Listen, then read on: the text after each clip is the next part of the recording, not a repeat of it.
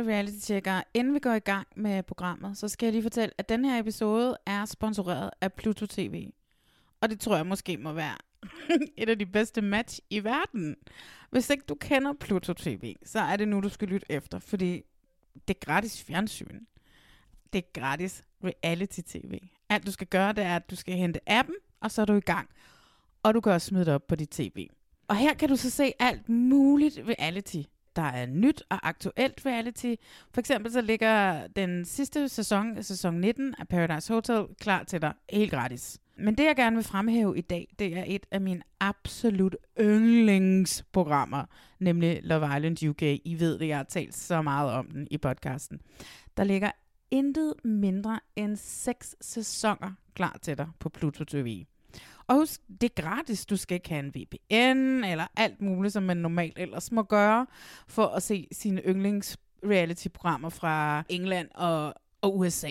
Men seks sæsoner af Love Island UK, og det er de første seks sæsoner, så det er helt tilbage fra den originale sæson ind, dengang det var mindre super, den der i dag. Det var den gang, hvor de røg og drak foran kameraerne.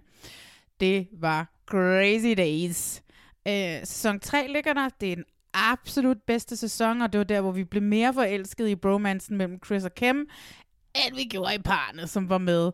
Og så er der jo selvfølgelig sæson 5, som har det vildeste drama, jeg nogensinde har set. Og det var også der, min ven, I ved, ham jeg mødte og hang ud med en uge for, et, hvad var det, to sommer siden nu, Jordan Hames. Så den lille guldklump af seks sæsoner, Love Island, der bare ligger klar til dig inde på Pluto TV. Men der er også meget andet reality-tv. Der er rigtig meget dansk nostalgi. Købmand på første klasse med Ingrid ringer diamant mor Pitsner. Med kniven for struben, og hvis du er heldig og finder lige præcis det afsnit, så kan du møde far til Bo, altså Rasmus fra Bachelorette i et af afsnittene. Og så er der også et par sæsoner på Lækker til Love. Det er med Man Machine Jonas fra Love Island her i Danmark. Det eneste, jeg mangler, det er, at man kan se den amerikanske The Bachelor Bachelorette. Men det er jo her med en opfordring til Pluto TV. Du kan se både on demand og live tv. Og det eneste, du skal gøre, det er at downloade appen, det er at hente den, bum, kom i gang. Og hvis du vil gemme, hvor du er nået til on demand, så kan du lave en gratis profil, så husker den, hvor du er nået til, hvis du må stoppe midt i det hele. Det eneste er, at der er reklamer midt i programmerne, men det er vi jo efterhånden vant til, hvis man skal have lidt gratis content. Du ved, lidt ligesom reality check altid har været. Så må man lige nøjes med lidt reklamer en gang imellem. Men hvad venter du på? Lad os se Love Island UK sammen på Pluto TV-appen. Og så skal vi i gang med podcasten. Marlene, Ja, Rasmus. det her det er Reality Check program 4. Uh, allerede? Ja, og i dag, der kommer du med en utrolig irriterende og kontroversiel udmelding. Ja, det gør jeg. Og jeg fatter det simpelthen ikke. Ej, vil du have den? Ja, giv mig den. Jeg synes, landmand så kærlighed er kedeligt. Det synes jeg er så tavligt at sige, og det skal vi, det skal vi simpelthen snakke meget mere om senere. Jamen, det skal vi, men det er det. Velkommen til Reality Check.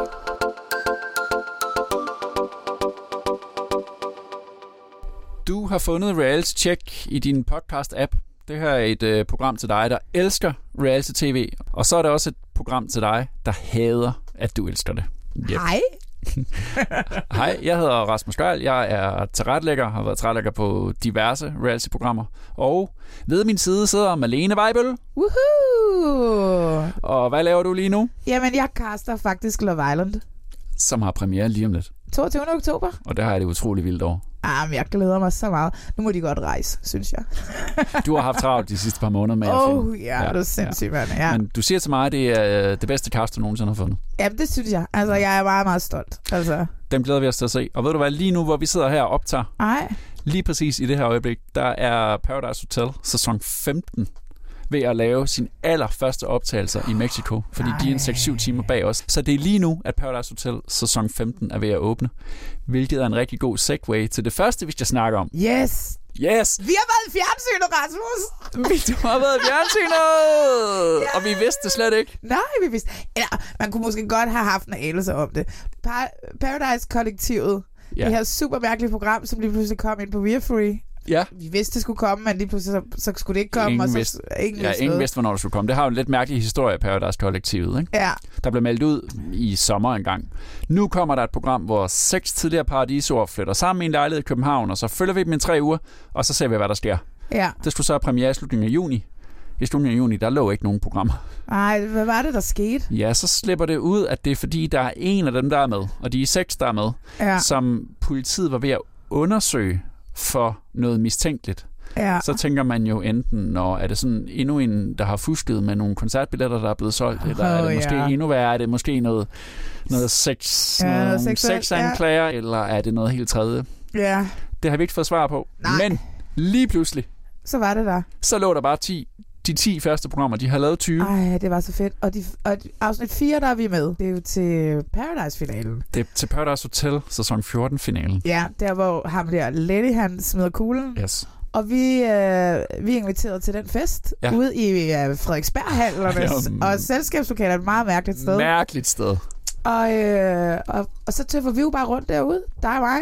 Lidt stiv. Lille smule beruset. Og så siger du til mig, Hvad siger jeg til dig? så siger du, Nå, vi skal lave en podcast. Ja, vi skal lave en podcast om reality-tv, siger jeg. Og så siger du ja, og så nu sidder vi her. Ja, Og endnu bedre, vi var med i fjernsynet. Jeg prøvede ellers at gemme mig ret meget for det der kamera den aften. jeg har så op to år i med. Jeg synes, det er så sjovt. Jeg er med i fem sekunder, Og jeg er med i et. og vi står i baggrunden og har enormt travlt med at snakke med alle mulige reality-stjerner. Og Ej. jeg står med min telefon, og man kan se, at jeg skal til at have taget nogle billeder. Og jeg står bare så helt nonchalant i baggrunden og observerer ja. dramaet, der Ja. folder sig ud lige for Ja. mine øjne. koncern, der står bag blandt andet Paradise Hotel og Forside Fruer og Robinson og sådan noget, har den her gratis øh, webkanal kaldet Via Free, Ja. hvor de laver en masse spin-off-programmer på deres reality-tv, hvilket er en sindssygt god idé. Der har tidligere været Mit Paradiso-liv, hvor Som man, jeg jo fulg, elskede. hvor man fulgte dem efter de var kommet hjem. Ja, ja, ja. Der har også været sådan noget The Best of Paradise, som man så bruger til at vise alle de bedste klip fra alle de tidligere sæsoner. Ikke? Men nu er der så kommet det her Paradise-kollektivet, ja. som går ud på hvad? Jamen, det er jo bare seks tidligere deltagere, som flytter ind i den her... Øh, Ja. Det er jo på, en lille smule for lækker til Love, øh, København Edition. Øh, De skal jo ikke date så meget. Man Nå, sætter dem sammen i en, i en ja. lejlighed og ser, hvad der sker. Ikke? Ja. Og det er, ikke, det er ikke bare lige hvem som helst. Hvis jeg kunne vælge, så ville jeg jo tage Lea og Line Sofie og, Og Masha Wang. Og, dem kunne man jo det det det er det. Men alligevel, jeg vil sige, castet er faktisk ret godt. Ikke? Det er Boris, det er Maja og det er Jonas fra sæson 13. Ja, Og så er det fra den nyeste sæson, der er det Rasmus, Katrine uden mimik uden mimik. og Cecilie. Ja, Så det er seks af de nyere paradisord. ja, det må man sige. Og Jonas er jo kendt for at ham den flotte. Han havde et forhold til Maja, da han var på Paradise. Ja, så det er jo en skide god idé, at de, at de to skal flytte ind sammen, ikke? fordi hun har, ikke, hun har det ikke særlig godt med Jonas, da, da programmerne starter. Ej, det har hun sgu ikke. Og så er vi jo ligesom Boris Laursen med, ikke? Jamen, han er, og det er jo et scoop. Jeg vil sige, Ja, det er et det, scoop. synes jeg, det synes jeg faktisk også lidt er et, et reality scoop. Og han er skiftevis sindssygt sød, og så sindssygt arrogant. Og det, øh, øh, han er et mysterium for mig, men jeg, jeg, Det er hele den familie. men jeg er sgu ret vild med ham. Hvad sker der så i de her programmer? Jamen, der sker jo ikke skid. Altså, de ligger jo i en sofa og snakker, og så bitcher de lidt, og så bliver de sådan lidt uvenner, og så flytter Karoline ind, og så bliver de lidt mere uvenner igen. Og så er Cecilie hele tiden fuld. Og så alt det, der sker faktisk for dem, det har vi ikke med. For når de går ud og sådan noget. Altså, der sker jo ikke en skid, men på en eller anden mærkelig måde, så er jeg sygt fascineret af det program. Jeg synes, stemningen her til morgen er udmærket. Rasmus skriver, at han ikke er død.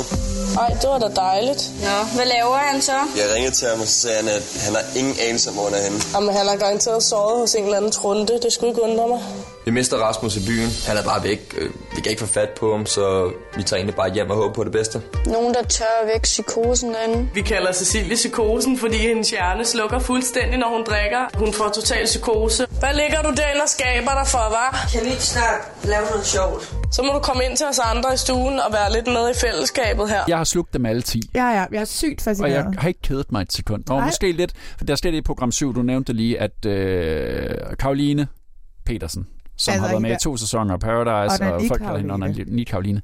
Jeg skal også lige sige, at jeg kender hende, fordi hun var med i en af de sæsoner af Paradise, som jeg havde ansvaret for, der var hun med. Ja, Så jeg har altså, altså Karoline er min lille baby, ikke? og det kender jeg godt. Men da hun flytter ind i afsnit 7, der går det meget op i, at Karoline spiller den rolle, hun altid spiller. Hun roder, hun larmer, og hun Er lidt ulækker. og lidt ulækker. Og ja, det er sgu lidt ærgerligt, hun bliver ved med at påtage sig den rolle, når hun er med i reality-tv, fordi hun er altså meget mere end det.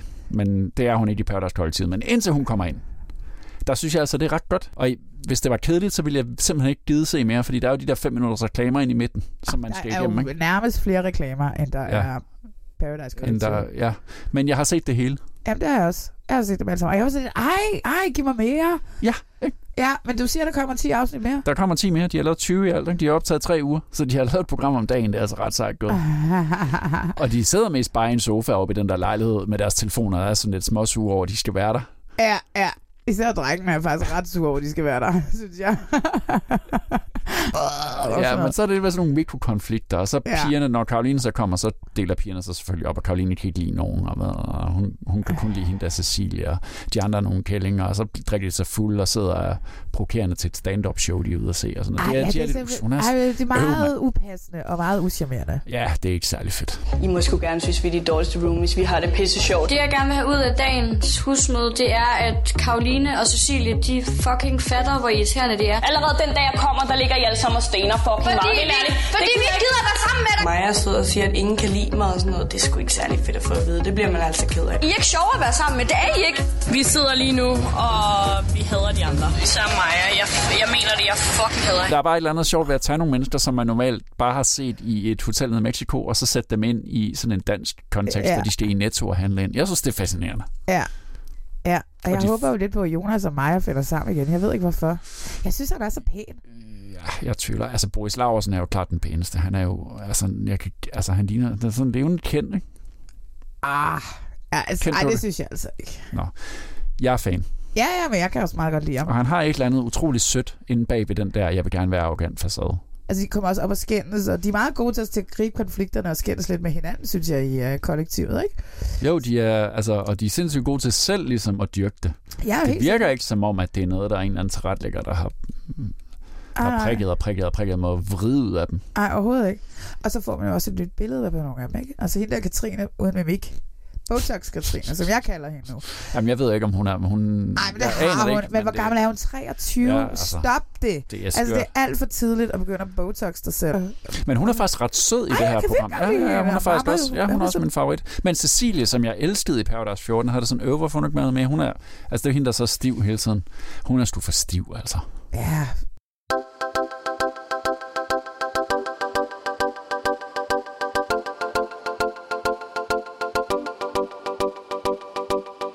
Der er jo sindssygt mange reality-programmer i gang lige nu. Jamen, jeg laver jo ikke andet, end Nej. at gå på arbejde, og så se reality Det er om helt skørt. aftenen. Og vi Altså, skal både øh, snakke Robinson, Ja. ekspeditionen, vi skal snakke Landmand søger kærlighed, vi skal snakke Uhu. Gift ved første blik, Ja, det skal vi. Så øh, er X on the Beach slut, og i den forbindelse så har vi faktisk en interviewaftale med Mathias og Karoline, som vi to har været super glade for Jeg det program. glæder mig til at tale med dem. Dem skal vi snakke med senere, men først så skal vi snakke om skandaleprogrammet Force of War. Gunvar har mødtes med Sara. Jeg mødtes med hende. Okay. Og Tina. Det er helt klart ikke populært at fortælle. Jamen, jeg har da lige mødtes med Sara. sladrer jo til synligheden med Sara. Jeg er lidt nervøs for, at der kommer til at blive skabt en form for konflikt. Det er da ikke vores skyld, du taler med Sara. Jeg kan bare ikke holde det ud mere. Jeg har aldrig gjort dig noget, og du er så intrigant. Marlene, Ja. Bølgerne er eddermame gået højt den her uge. Oh my god. Det sidste afsnit, jeg har sådan, hvorfor er der kun seks? Der har kun været seks afsnit af Forside Fruer. Ja, det synes jeg altså alt for lidt. Det er allerede slut. Ja. Desværre. Øh, det endte ikke helt så sindssygt som øh, sæson 3, der er jo endte i det vildeste skænderi, og Sara Louise skrev fra dem alle sammen. Men de forsøgte der i hvert fald med sådan en frokost, hvor alle damerne skulle samles. Meget Real Housewives. Det slutter Ja. også altid med en, en middag til sidst, ikke? Ja. Men der, har været, så- der var jo så meget drama i det næst sidste afsnit i den her sæson. Altså, det var jo helt vildt. Ikke? De var på glamping, som Amalie havde inviteret dem på.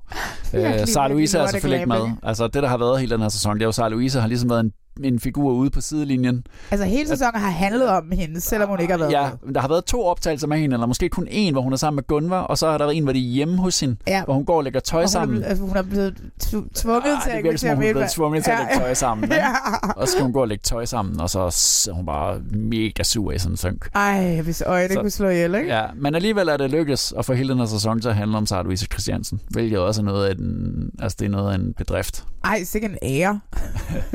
Eller hvad? Det er jo bare gået fuldstændig galt, og det der er specielt med det program, det er jo, at det lever også uden for tv. Og det er Ja. faktisk det, der gør, at det virkelig bliver så vildt, fordi de, øh, her de sidste par programmer er de røget til tasterne. Ikke? Janni har en blog, Amalie Ja. har en blog, de har deres Instagram, de har deres alt muligt, så de selv ligesom har mulighed for at kommunikere. Ja. Og pressen hopper jo på, ikke? Ja, og laver ekstrabladsartikler og BT-artikler, og Amalie, jeg er blevet skamklippet, og det synes som om, min, at jeg ikke kan passe på mit barn, og, og Janni er rasende, uden rigtig at sige, hvad hun er rasende over, så hun ude og skrive, øh, ja, det er forfærdeligt at blive klippet på den måde, og man sidder jo der vildt nervøs, når programmet bliver sendt, fordi man jo ikke ved, hvordan man bliver klippet sammen, men nu kan jeg heller ikke have mere. Og Sara Louise er bare vred, ikke? Ja, ja. Altså, det er lidt mærkeligt, synes jeg, det der med Janne Ræ, hun siger, at, man ikke kan vide. Fordi vi har jo lige og set det der forsidefruer uden filter, ja, som ligger på Viafree. findes nemlig et ekstra program på Ja. ja. Free, Ah, hvor de det- sidder og ser det sammen. Spin-offs er fantastisk. Ja, og det fungerer egentlig ret godt. Ja, altså så to forsidefruer sammen ja. og ser et afsnit sammen og sidder og Ja. snakker om Ja. det, ikke? Og så, øh, så er det jo sjovt at sætte for eksempel Gunvar og Janne Ja, sammen. de i- bliver så, ja, for det er jo dem, der har en kæmpe konflikt i program Ja. 5. Skal vi ikke lige høre den der konflikt? Jo. Du er en vennekåb, du er. Det er sgu da dig, der er en vennekåb.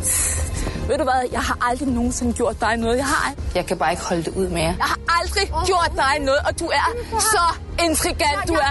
Og du gør mig så ked af det. Jeg synes, hun er så langt over grænsen. Jeg står med mit barn på armen. Du er 48 år gammel. Stop med at filme det lort. Stop. Jeg er pisse ligeglad. Jeg skrider nu. Jeg kan ikke fucking helt vejen til fint på mit smile til jer. Det går jo helt fuldstændig amok. Så jeg gider det ikke mere. Det, som det virker som om, synes jeg jo ikke, det er, at faktisk er kamera, så faktisk er fotografen og, og dem, de er på vej til frokost lige nu. Ja, altså, de er væk, og så pludselig så hører de bare, Ja. ja. at, at tingene er ved at eksplodere. Ja, og så er kameraet op, og en tilrettelægger, der løber tværs Ja. gennem lokalet med, eller tværs Men- gennem Med en terrassen. telefon Ja, i den ene hånd. Ja, ja, ja, ja, ja. Øh, og de blev uvenner over det her. Igen, det er Sarah Louise, at Janne, hun kan ikke forstå, at Gunvar, hun vil være veninde med hende, og noget med en... Det synes jeg også lidt, for det er jo det der, hvor det foregår ude i virkeligheden. Så er der noget med en sms, som nogen har sendt til nogen, ja. med nogle trusler og lidt halløj, som vi aldrig nogensinde rigtig finder ud af, hvad fuck går ud Man på. ved ikke, hvad det går ud på, men det er noget med, at de er jo fem, ikke? De, de, de fem andre har talt om Sara Louise. Ja. Og det har Sara Louise fundet, åbenbart fundet ud af, fordi Sara Louise har skrevet en sms til Amalie, hvor hun refererer til, hvad det er, de fem andre har snakket om. Ja. Og så render Janni sig frem til, at det må ligesom være Gunvar. Ja. Og det skal hun så konfronteres med. Janni er jo også utrolig god til at lave tv. Og altså man kan prikke hende på skulderen og sige, kan du ikke lige gå over og tale med Gunvar? Ja. Og så gør hun det, men jeg tror ikke, det var hendes mening, det skulle blive så vildt. For lige pludselig så står Gunvar jo og råber og skriger af hende. Og øh, Gunvar græder også. Altså, der er det sådan lidt, der, der er en grænse, der er nået, ikke? Altså, lad være med at filme det her, råber hun, mens hun tuder Ja, og sådan noget. Ikke? Og ja. hun er det der barn, og hun, er, hun, hun, hun, altså, hun prøver virkelig at være med, sin, med sine børn, ikke? Ja. så jeg tror, at hun er så frustreret over, at hun skal stå og råbe af Janni, mens hun ja, har sit hun barn har sin med sig. barn, det var også ja. det, hun var så vred over. Men så, Ja. ja, og den der konflikt fortsætter så i starten af program 6, Ja. hvor man ligesom ser, at de alle sammen forlader det her, den her campingplads på, i Svendborg, hvor de ellers skulle have været og overnattet på en Glamping. luksuriøs glamping. Ej, hvor var det bare ikke luksuriøst. Det var så lidt luksuriøst. Men der er det jo så bare, at det der ekstra program, som Ja. hedder Forsidefruerne uden, uden filter, filter. samler Janni og Gunvar, der så skal sidde og se det her program 6 sammen, hvor der Ja. er det sidste af den her konflikt, de har Ja, haft. ja. Hvor de ligesom igen skal tvinges til At tage stilling. at sidde og se det. Og, Janni, Og snakke om det igen. Ja, og de sidder og snakker, de sidder og snakker meget godt om det, ikke? og bliver sådan, altså de kan godt sidde og tale sammen, men Janni, hans, nogle gange så ser hun jo virkelig rasende ud, når hun ser det. Og så på et tidspunkt, så falder hun i søvn. Jamen, det er afsnittet før, hvor hun sidder Og med Jackie. Altså, jeg ved, ikke, jeg ved ikke, hvad det er for noget, hun sidder og falder i søvn. Det ser Det er, meget, det er midt i den der konflikt. Ja, præcis. Og jeg ved ikke, om det er sådan noget for at prøve at komme ud af det, eller et eller andet. Jeg ved det ikke. Det er meget mystisk. Jeg vil gerne vide, hvordan det der program er lavet. Du siger noget på nogle andres vegne, og Jeg skulle selvfølgelig bare holde min mund og lade være at blande mig. Så, så den er jo ikke længere. Og jeg kan godt det forstå, at du bliver hissig, altså. og, og det sker jo. Og, ja, og så er jeg rystet, så føler jeg, at jeg har fået et overgreb. Og så kører altså, når man skændes, så er det bare ikke... Ej, Vel, og det er jo jo fint, det Jackie siger. elegant at stå Altså- og råbe og skrige på hende. altså, det er fandme ikke fedt at se, altså, for Nej, jeg tænker, så de var der det, folk, der ej. stod med folk, der de har bare stået, de stod, stod og kiggede og tænkte, okay, hvad skete der der? Men de bliver jo så gode veninder igen. Det er så det, du har lidt et issue med, ikke? fordi du kender, det, du kender de amerikanske housewives. Jamen, Og de får ikke lov til at blive gode veninder på den her måde? Nej, det gør de bare overhovedet ikke. Der dyrker de endnu mere konflikterne. Der har de også, øh, når en sæson er slut, så har de tre talkshows af en time, hvor Andy Cohen øh, sidder sammen. Ja, prøv lige at fortælle mig, hvem Andy Cohen er, for du bliver ved med at nævne det navn. Jeg ved ikke, hvem det er. Jamen, Andy Cohen, han har skabt øh, The Real Housewives, okay. øh, og er et eller andet big shot. Jeg ved ikke engang helt præcis, hvad han er, øh, på det der E-Entertainment-kanalen øh, der, ikke? Og han har skabt ret mange reality-formater, og... Øh, han, han forholdsvis, men han er også lidt sådan en celebrity selv, ikke? Altså, Okay, ja. øh, men der holder de så i slutningen af, når sæsonen er slut, så er der jo de her tre programmer af en time, hvor, som er et talkshow, hvor Andy Cohen er vært, og så kommer alle de her kvinder ind, og så skændes de jo bare videre. Altså, og så snak, og der bruger de det, hvad er det, der sker ud i virkeligheden, Ja. når, hvad hedder Okay. det, kameraerne Ja. er slukket. Hvordan er de øh, batcher og disser og sviner hinanden til på deres forskellige blogs, og så videre, Det bruger de helt vildt meget. Og Andy Cohen, han er også typen, og det er det, jeg synes måske kunne være ret interessant, hvis der var en eller anden profil på forsidefruerne, som ligesom kunne, altså fordi der, at bruge de her konflikter, de har, fordi det er jo sådan en mærkelig som sur, det er sådan noget meta, meta, Ja, meta noget, ja. at der er forsidefruerne, og så ser vi det, at det bliver filmet et par måneder om året, eller tre, eller hvor mange det er, ikke? Og så foregår der bare så meget ved siden af, fordi ja. ja, de kendte måske ikke hinanden i første sæson, vel? Og så bliver de bare tvunget til at være veninder. Og så, så selvfølgelig sker der en masse konflikter, og det er jo sindssygt så meget. Altså, jeg kan jo ikke følge med i, hvad Gunvar skriver, og hvad Magle skriver, og Janne Ræ skriver, og Og sådan du noget. skal bare gå ind på Ekstrabladet og BT hver uge, så skal Ja, er få rigtigt. links til det. Men jeg du kan bare godt gå ind lide- på deres blogs. Ja, jeg ville jo vildt gerne have, at forsidefruerne også fik sådan en talkshow i det mindste, ikke? Så, Ja. kunne, man, så kunne man bruge det der, Men ikke? det er jo det, de prøver så. Altså, det er jo det, de gør, når de samler dem der i slutningen af program 6. Så Ja. skal de samles til en frokost. Sarah Louise gider ikke være med, det melder hun ud. Hun vil hellere dø. Men alle de andre samles jo, og der opstår jo stadigvæk konflikter. De kan jo ikke lade være. Ah, det er meget, meget Og lidt. Men det er Jackie rejser sig og går på et tidspunkt. Så ja, kan hun det er simpelthen fordi, ikke hun, er, det er fordi, hun, hun vil gerne spille den her søde konfliktsky kvinde i det her. Det- Jeg har stadigvæk ikke forstået, hvordan man er bevidst. De er jo mediebevidste samtidig med, at de jo bare de er fuldt os. Ja. Altså, de går ud og siger TV3 er skamklippet, men alligevel så sidder de jo og totalt spiller med i synkerne. Og de spiller Ja. altså også med i scenerne. De ved godt, det her det skal bare være fi. Altså, de ved godt, der skal gang i den. Jeg tror det også, er ligesom med, øh, med det amerikanske, altså med Housewives, ikke? At når nu de begynder at se de der synker, og hvad andre siger om dem, og sådan noget, det er der, du ved ikke, at man også kan gå ind og reagere ret meget, og blive sur igen, og, og måske så, når, er det, så var det sådan, Gunvor så den situation, sådan så jeg den ikke, og nu synes jeg også, at måske, at TV3 har klippet den til deres fordel, til, til Gunvors fordel, eller sådan noget. Altså, kæmpe klap på skulderen for at kunne have lavet en hel sæson, der handler om en, der ikke er med i programmet. Ja, det er ret sindssygt blæret. Altså, det er ret, men det siger også bare noget om, hvor, hvor, hvor vild Sarah Louise kan være, ikke? i hvert fald på tv. Ja. Nu, er, nu, nu, hun jo, nu skal hun være med i sådan noget DR2 noget. Det var Ja. det nye. Ja, det så jeg. Hun, var, hun, hun, hun er også kun med, fordi hun har været bundet af en kontrakt. Altså, jeg er eddermame glad for, at det ikke er mig, der skal skulle med hende at gøre. Det må have været Nå, så hårdt. Det må have været sindssygt hårdt. Men øh, skal vi ikke ringe øh, og snakke med øh, redaktionschefen på Forsidefruer, Katja, om det? Jo, det synes jeg helt sikkert. Lad os lige gøre det.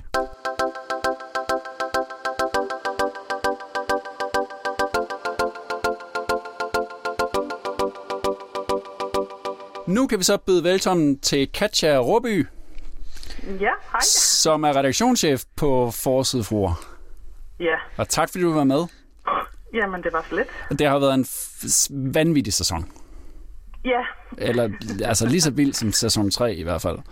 Ja altså, jeg Øhm, vil sige, det er, det er nok den sæson, der har været allervildest også at, at lave. ja, men det allerførste spørgsmål, jeg har, det tror jeg, der er mange, der sidder med den, med den tanke, at det her, at, at Forsidefruer, det må være skuespil. Er Ja. det skuespil? Nej, det er det ikke. Hvordan kan det være, at de skændes så meget? Jamen det er fordi, de, de, de bliver sgu ægte uvenner. altså, det gør de. Altså, og de bliver faktisk så meget uvenner, at vi nogle gange øh, bliver nødt til at sige, at de, de bliver nødt til lige at altså, lige prø- prøve at lade være at tage det så langt ind. Altså, øh, og, og de går med det, og de har også ondt i maven uden om optagelserne, og nogle gange ringer og har brug for at snakke. Hvor jeg også nogle gange har sagt, prøv, prøv at lade være at tage det. Altså, vi, vi, vi laver jo også, altså det er jo et tv-program, og sådan kan I ikke prøve at ligesom øh, øh holde, jer lidt, holde det lidt på afstand. Der sker ting bagom, som vi ikke altid ved heller. De snakker jo sammen øh, på kryds og på tværs, men så prøver vi jo ligesom at fortælle det så godt, som vi kan på tv. Der er jo for eksempel i den her sæson øh, det her med, at Amalie har modtaget en, øh, en, en, en tekstbesked fra Sara Louise, som jeg jo ja. stadigvæk ikke helt forstår, hvad gik ud på, men det, fordi det er jo igen det her, hvor virkeligheden går ind over tv-programmerne til alt ja. det her. Altså, hvordan er det? Hvordan fungerer det for jer, at øh, virkeligheden fortsætter, og I stadigvæk har et tv-program? Jeg er jo glad for, at det ikke er konstrueret. Så et eller andet sted er jeg jo glad nok for, at de her ting sker udenfor. Vi skal jo bare nogle gange løbe virkelig stærkt for og så at kunne nå at følge med og fortælle de her historier. Og det er jo heller ikke altid, at fruerne vil have, at vi fortæller de historier, Nej, der nej. er. Og det må vi så snakke med dem om og sige, men det er jo det, vi laver tv omkring, at det er jeres relationer. Øh, så når der pludselig opstår en kæmpe konflikt mellem Sara Louise og Amalie på grund af en sms-besked, så bliver vi nødt til at forklare det så godt vi kan. Ja. De passer jo en lille smule på sig selv, og også lidt på hinanden. Men de ja. glemmer jo så alligevel at passe på sig selv. Det er det, jeg som ser er så helt fascineret af. For de er så ja. alligevel medievante alle sammen. Ikke? Hvad er det, der sker, når det pludselig eksploderer? På en campingplads i Ja. Svendborg mellem. Eller, ja, eller, ja, eller, for eksempel, ikke? eller til en fødselsdagsbrunch. Ja, ja, hvad er det, der, hvad, hvorfor, hvorfor er det, det eksploderer på den måde? Jamen, jeg tror, det eksploderer, fordi at vi, øh, vi, vi, vi kredser jo om det, fordi at der er en konflikt, vi ved, den er der, og så beder vi den selvfølgelig om at, forho- om at forholde sig til det på kryds og på tværs, og så vokser det nogle gange. Ja. Og så får nogen sagt noget, og nogle gange så bliver der også lige sagt lidt, når vi lige slukker kameraerne. Øh, og hvorfor det eksploderer, jamen det kan jeg ikke forklare, men vi har jo heller ikke forberedt os på det. Altså, vi bliver jo taget totalt med bukserne nede, ikke? Jeg havde aldrig forestillet mig, at det ville ske at det gik så vildt for os på Kragerup Gods, og heller ikke på campingpladsen. Uh, vi, havde ikke engang, vi havde ikke engang tænkt det hele derud. Det havde vi med Kragerup Gods. Der havde vi altså i yderste instans sagt, hvis nogen bliver så sure, at nogen begynder at gå, så må vi bare rulle med. Så bare rulle med på det, sagde jeg så. Og så kiggede vi på hinanden, og så sagde vi, men det sker ikke. men, det, men det skete så. Hold din kæft, Sara. Du bliver ved med at sidde der og dirigere. Jamen hold dog din kæft, og så lad Gunvar tale. Du bliver bare ved at sidde og rap. Altså, jeg kan ikke huske, hvornår der nogensinde er nogen, der har talt så grimt til mig. Der synes jeg, Janni var lidt for grov. Jeg er ked af det, men ja. du er ikke, det er ikke okay, du taler sådan der til Nej, men det er fandme heller ikke okay. Du Jamen, jeg siger hele til dig, at du, du, Du får ikke lov til at sige bare noget. dit jeg slutter. Nej, men find Det nogle andre, der gider finde sig i din eskapader. Nej, Jeg gider det ikke, Janni. Nej, ved du hvad? at Du skal holde din kæft, Nej, for jeg skal gider ikke holde at høre på dig. Så skrid med dig. Ja, det gør jeg også. Ja, jeg kan heller ikke holde ud og glo på dig, så bare skrid. Frygtelig menneske. Nede på campingpladsen, der, der ser det ud som om kameraet er meget langt væk. Det er som om, der i virkeligheden er ved at foregå noget andet. De måske er ved at, at bare pakke. Og så, hvad, hvad er det der... Fordi kameraet er så langt væk. Hvad er det, der foregår? Ja, jamen altså, øh, det sker jo sådan, at de kommer simpelthen op og diskuterer, mens vi har altså et øjebliks pause. øh, vi ved jo, at der er et eller andet, der sådan ligger og ulmer mellem Janni og, og Gunvar, og det kommenterer Amalie også på inden. Og så har vi selvfølgelig en idé om, at, at hvis de så fanger en fisk, eller hvad, spiser sushi eller hvad, så til aftensmaden har vi egentlig tænkt, at vi vil få Janni til at snakke med Gunvar om øh, den her konflikt, der er med den. For vi ved, okay. hun har sagt til mig på forhånd, ja, der er altså noget, jeg vil gerne snakke med Gunvar om, fordi at, øh, jeg ved, at øh, hun har talt over sig, og Gunvar siger, jeg har ikke talt over mig osv. Og der har vi holdet lige et break, fordi vi, vi knokler jo, øh, når vi er afsted, så vi skal lige have nogle pauser. Ja. Øh, og pludselig i pausen, så opstår der jo, at, at, at lige pludselig, så, så kan de høre, at Janni og, og Gunvar står og skændes øh, ned bag øh, øh, det ene, øh, det, de der fancy telte der. Ja. Og så løber de jo ned og vil filme det, og så øh, vil Gunvar ikke have, øh, eller både Gunvar og Janni øh, modsiger sig bare sådan, vi, I skal ikke filme det her, I skal ikke filme det her. Så filmer de jo lidt alligevel, og så øh, bliver fruerne sure, og de har taget øh, mikrofonerne af, og det må de heller ikke egentlig, øh, fordi vi er jo stadigvæk, vi er i gang med at optage til programmet og så videre, ikke? og den her, eller den her konflikt, som hører ind under programmet, tager de så pludselig mens vi ikke er i gang. Så ringer jo øh, produktionen jo til mig og siger, jamen, øh, eller ringer holdet til mig og siger, vi må ikke, de siger, vi ikke må optage, og de, er helt, de går helt amok på hinanden dernede, og det har faktisk været meget vildere, inden vi når at, at ryge med. Og så siger jeg jo bare, film, film, film, ja, men de er helt vilde, og de siger, det må vi ikke, og det vil de ikke have, og så videre. Du er så intrigant, du er, og du gør mig så ked af det. Jeg synes, hun er så langt over grænsen. Jeg står med mit barn på armen. Du er 48 år gammel. Stop med at filme det lort. Stop. vi bliver nødt til at filme, kan man ja. sige. Ikke? Øh, Og selvom de ikke vil have det, og, og, og selvfølgelig er det grænseoverskridende både for fruerne og, og for holdet, at, at, øh, at der bliver filmet, når de er altså, øh, de er jo så meget op at køre, at, at ja, de, de er ikke helt i kontrol, kan man sige. Ej, der, der bliver fældet nogle tårer og råbt lidt af hinanden. De var, altså, de var helt uden over, at vi lavede tv. Um, ja. Så, så, så vi, vi, vi røg bare med der, hvor de var. Altså, vi kunne ikke ligesom sige, hov, kan I ikke lige stå og tage den diskussion øh, lige her, så vi, vent lige, vi skal lige tænde kameraet. Ja, altså, øh, så derfor så dyrkede vi bare, at vi ikke nåede at være med, og at vi pludselig rører ind i det her skænderi, der, Jamen, det er jo også meget opstår. frækt. Altså, det er jo også, ser også meget frækt ud. Det er sådan lidt, fordi så virker det også bare lidt, som om ting sker i øjeblikket, ikke? Altså, end at I det, skulle... det gør det. Altså. Ja. På den måde synes jeg faktisk, at vi første gang fornemmer, at det her, det opstår det opstår altså, og ja. det er ikke fordi det er presset af os ved Kravrup Gods. Der, der skete det jo så i forbindelse med, at de sidder ved, rundt om bordet, ikke? Ja. så er det jo lidt nemmere. Så Sara Louise er jo ude. Hvordan er det lykkedes for jer at få hele sæson 4 til at handle om Sara Louise, uden hun jo faktisk er med? Jamen, det kommer jo øh, et eller andet sted lidt af sig selv, fordi at øh, der, de havde brug for at snakke meget om Sara Louise. Ja. Øh, faktisk prøver vi egentlig, er det egentlig er det ikke så ønskværdigt for os, at der bliver omtalt en person, som ikke indgår i det afsnit. Øh, der indgår jo altid kun fem fruer i et afsnit. Og det er egentlig ikke noget, vi ønsker, men, men det var så, hvad kan man sige, det var så... Øh, det fyldte så meget hos alle de her fruer, øh, ja. alt det, der var sket. Øh, så så øh, ja, altså der var faktisk en periode på Mallorca, hvor vi, hvor vi prøvede at tænke, nu, nu skal vi slet ikke snakke om, om Sara Louise, øh, du ved, og så, øh, så blev sker jeg det jo ligesom alligevel. ja, nej, det var faktisk til en morgenmad, hvor de skulle spise noget, noget blå yoghurt, øh, der Nå, var sundt. ja. Så, øh, Ja. så opstår der alligevel at øh, snakke om det. Hvis vi kunne ønske, var der må- måske opstået noget andet, som ikke lige handlede om Sara Louise. Det gjorde der så ikke. så, så, så greb vi det, der var. Katja, hvis man har fulgt lidt med i medierne, så kan du jo den ja. ene øh, torsdag, fredag ish, efter programmet havde været vist, efter den anden, se, der, se uh, TV3. De skælder ud på TV3, og vel også på produktionen. Der har stået alt ja. muligt, ikke om, at de føler sig skamklippet og alt muligt. Hvordan er det egentlig for dig, som en af de ansvarlige, at, at være i sådan en storm hele tiden? Jamen, det er øh, hårdt. Øh, også fordi man jo et eller andet sted har lyst til at, at, at forklare sig og, og forsvare sig. Øh, Ja. Også fordi øh, manipulation er et ret øh, stærkt ord. Ja. Øh, og der, der, øh, altså, vi manipulerer absolut ikke med tingene. Selvfølgelig bliver tingene kogt ned, og ja. der kommer de her synkbider på, hvor de udtaler sig. Øh, der får de jo sagt nogle ting, og vi prøver faktisk at, at gøre det fair for, for de parter, der indgår. Øh, og det, det synes de så ikke altid selv. Altså, de, de øh, synes så, at det er faldet ud til den ene eller den andens fordel. Og så bliver de sure, og det er selvfølgelig ikke sjovt, øh, fordi det er egentlig, egentlig ikke tanken. Selvfølgelig skal vi vise øh, det her, de her drama, de her konflikter, men, men vi prøver ikke at, at, at lave en, en skurk ud af nogen af dem. Det synes de jo selv, ikke?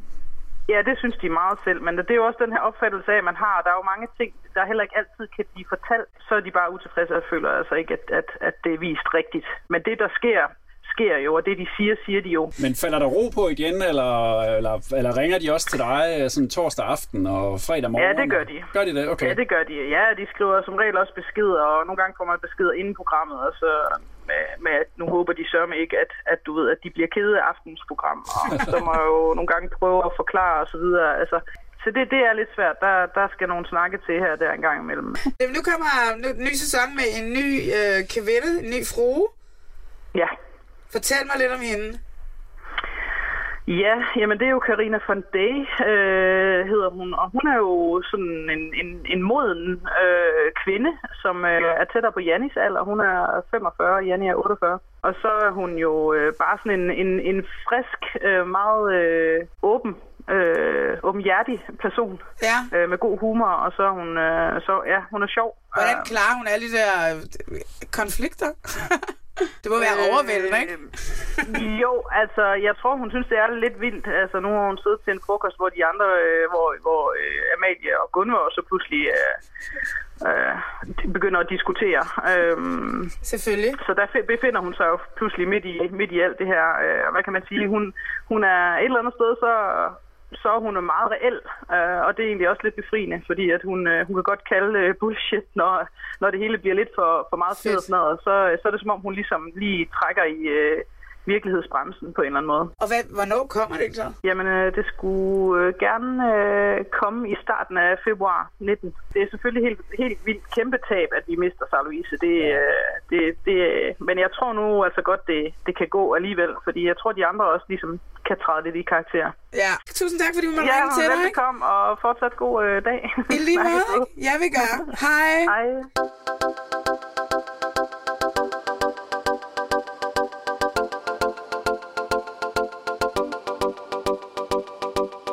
Malene, vi skal videre, Ja, jeg er klar. og jeg elsker det her. Fordi nu skal vi nemlig snakke om Robinson-ekspeditionen. Og, Yes! den, og den måde, vi to har aftalt, at vi snakker om Robinson-ekspeditionen på, det er, at jeg skal spørge dig Ja.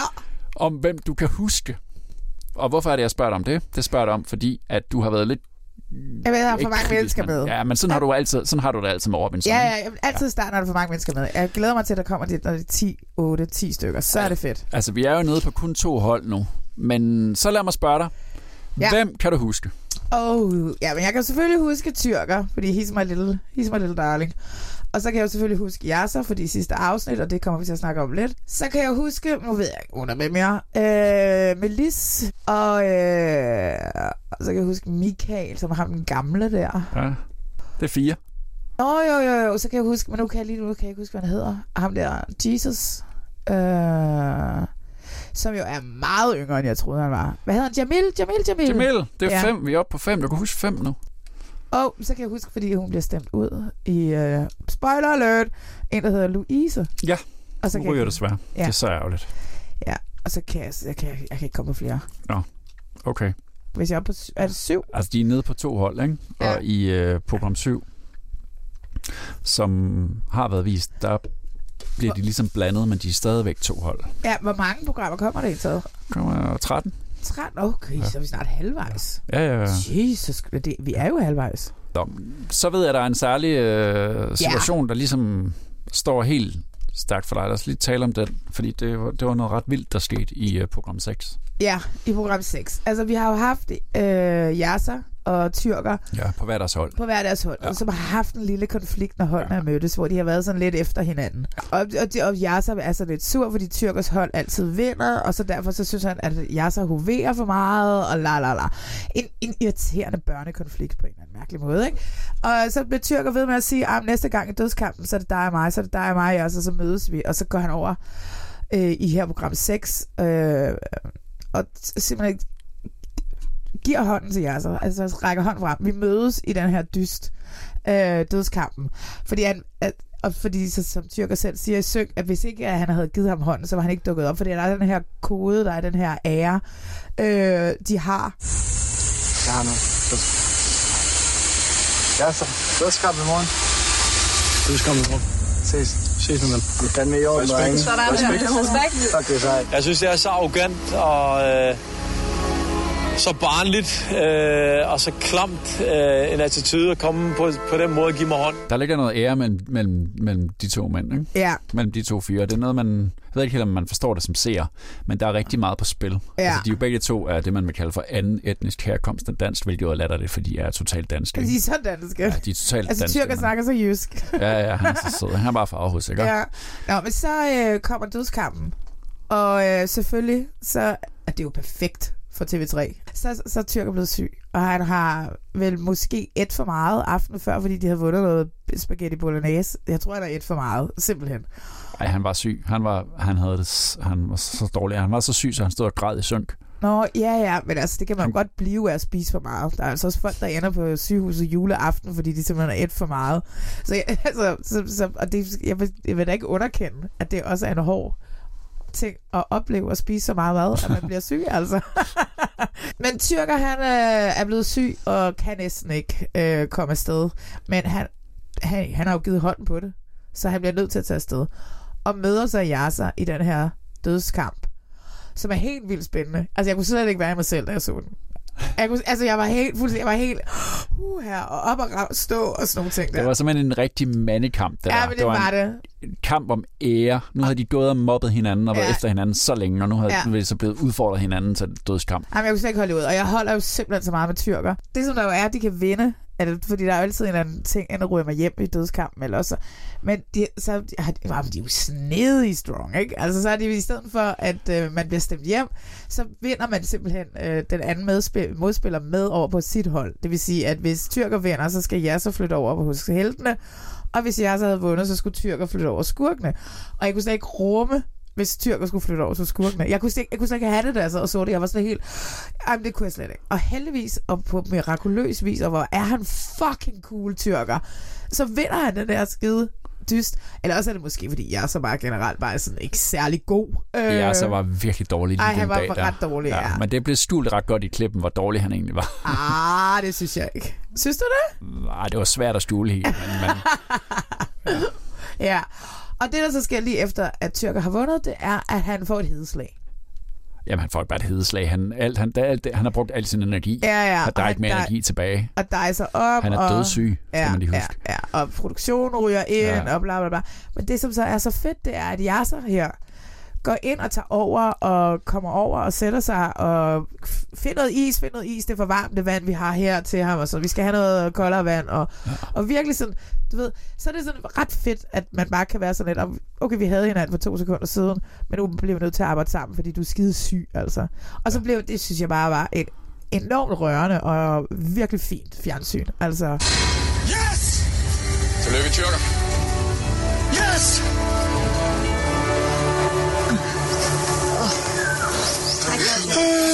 Og få noget mere vand, og få noget mere vand, tak. Er der nogen, der kan komme med noget mere vand? Måske lidt koldt vand eller et eller andet. Det er alt for varmt, det her.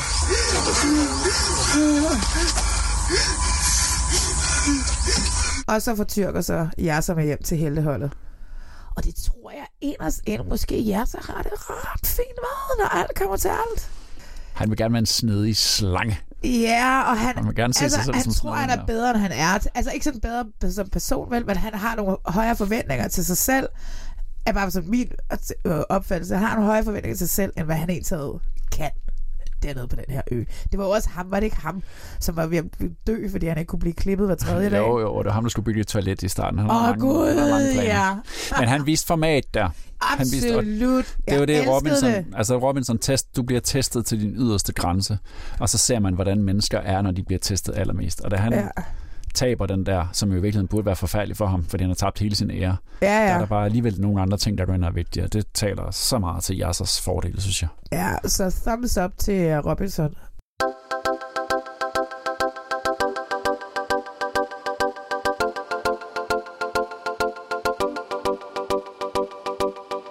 Landmand søger kærlighed ruller videre, Også i den grad. og nu kommer det kontroversielle, som jeg jo ikke forstår. Du synes, det er kedeligt. Jeg synes, det er lidt kedeligt, ja. Jeg sker ikke skid, altså. De sidder bare rundt om et bord og drikker kaffe og vælger dates ud, og så går de ud. Altså, okay, man kunne sige, så var der nogen, der faldt for en hest sidste gang, ikke? Og, og kom til skade og blev sendt hjem. Uh, men, altså nej, jeg ved ikke, altså, jeg synes, det er kedeligt. Jeg synes, de der, jeg synes simpelthen, de der mænd og de der kvinder simpelthen er så hæmmet på en eller anden mærkelig måde, at det, det er nogle gange... Altså, Jamen, hvorfor, det er jo det, det, der er fascinerende. ja, men altså... Så, åh, Det er jo jeg det, der gør, at det adskiller sig fra Paradise Hotel og Ex on the Beach og Robinson. Det er jo, Ja. fordi det er nogle andre, en anden type mennesker, der er med. Det er jo helt almindelige danskere, der er med her. Ja, jeg keder mig bare, og det går langsomt, og øh, jeg ved det ikke. Altså, jeg, Jeg forstår dig simpelthen ikke. jeg, jeg, altså, jeg, nu ser jeg det jo, fordi jeg skal, fordi at vi laver det her, ikke? Men jeg har det, altså, jeg har det virkelig stramt. Men altså, du er da ret optur over Jørgen og hans damer sidst. Ikke Jørgen er den gamle, som Åh, har de jo, her jo, jo, jo. fantastiske, øh, lidt lumre damer. Er det, bliver, er det bare blevet lidt for lummert over ved Jørgen, synes jeg, hvis jeg skal være helt ærlig. en, en ting, vi er enige om, der er lidt optur. Ej, ja. Og det er jo den, der nogle gange sker i reality-programmer. Der dukker nogen op, som ikke er med særlig længe, men som er det, man kan kalde for en mikrokarakter. Ja. Og der er du i hvert fald enig med mig i, at en kvinde, der hedder Judith, er noget af det bedste, shit. der har været i fjernsynet utrolig længe. Hun er måske med halvandet minut. Ej, max. Det er en af Jørgens øh, tre resterende damer, der hedder Helle, der skal præsenteres. Så kommer der sådan en lille videopostkort hjem fra hende, og der hendes gode veninde Judith Kommer dukker forbi til kaffe. Og det skal vi lige høre. Ja. Nå, er det her den kommende brud er? Min veninde Judith. Hvad så? Vi har en fælles interesse med cheferhunden.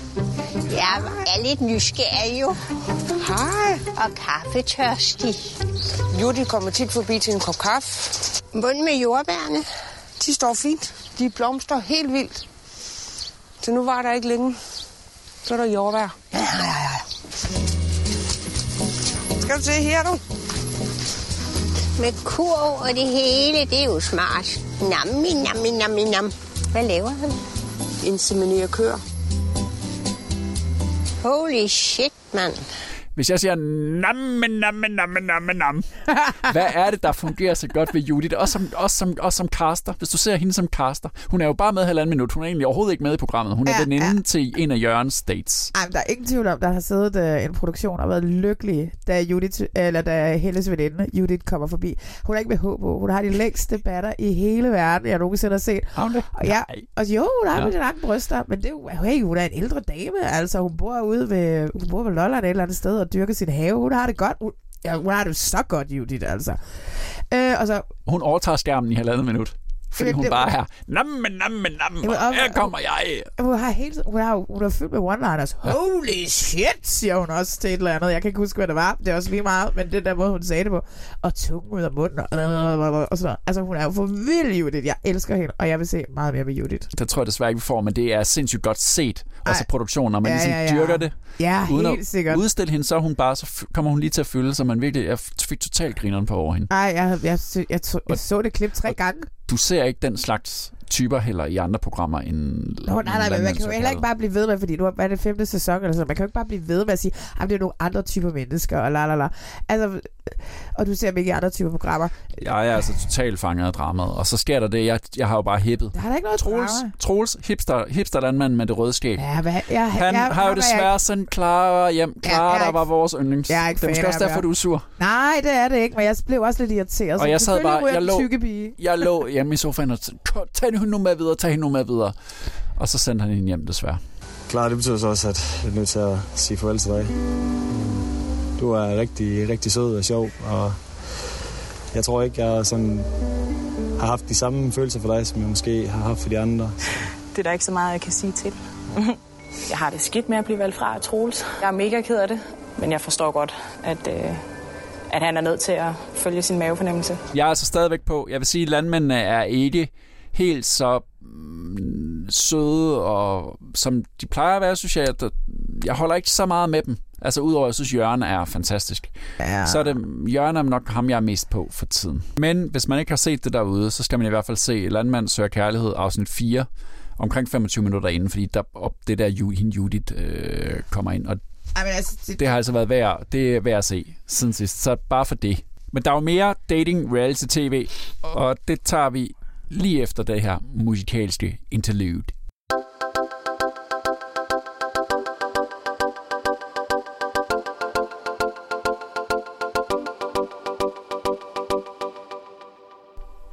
Gifte første blik er nået til program 6, Ja. så der er kun et par stykker tilbage. Der er ikke meget kærlighed tilbage. Nej, jeg er virkelig, altså, men jeg, jeg, jeg er ikke helt så ærgerlig, som jeg var sidst, men nej, det, det fungerer ikke, det der. Til gengæld er der også en mikrokarakter i Gifte Første Blik, Ja. da Michael, han skal flytte ind hos Katrine, Yes. og har hele sit gamer-setup. Ej, det er så Og- smukt. Hans gamerstol, som han transporterer hele vejen hjemme fra sig selv, fordi han synes, det er så vigtigt, at den del af ham, så det skal hun også udsættes for. Og, og hun prøver at tage det så godt hun kan, og det der gamer-setup bliver stillet, ikke? Jamen, hun kan bliver stillet ikke i være i forlængelse af hun kan slet ikke være i det. Men i det seneste afsnit, vi har set, Ja, som er program ja. 6, der sidder hun og bliver synket, det vil sige interviewet i... Gamerstolen. Det er intet mindre genialt. Tak til produktionen for det. Det er, det er, det er ret godt set. Men det var dig, der havde set det, fordi jeg lagde ikke mærke til det. Nej, du Men er ikke. Jeg kan nej, slet ikke forstå, at du ikke lader Det er mærke hen mod slutningen, og det betyder, det er jo en eller anden form for accept af den gamerstol.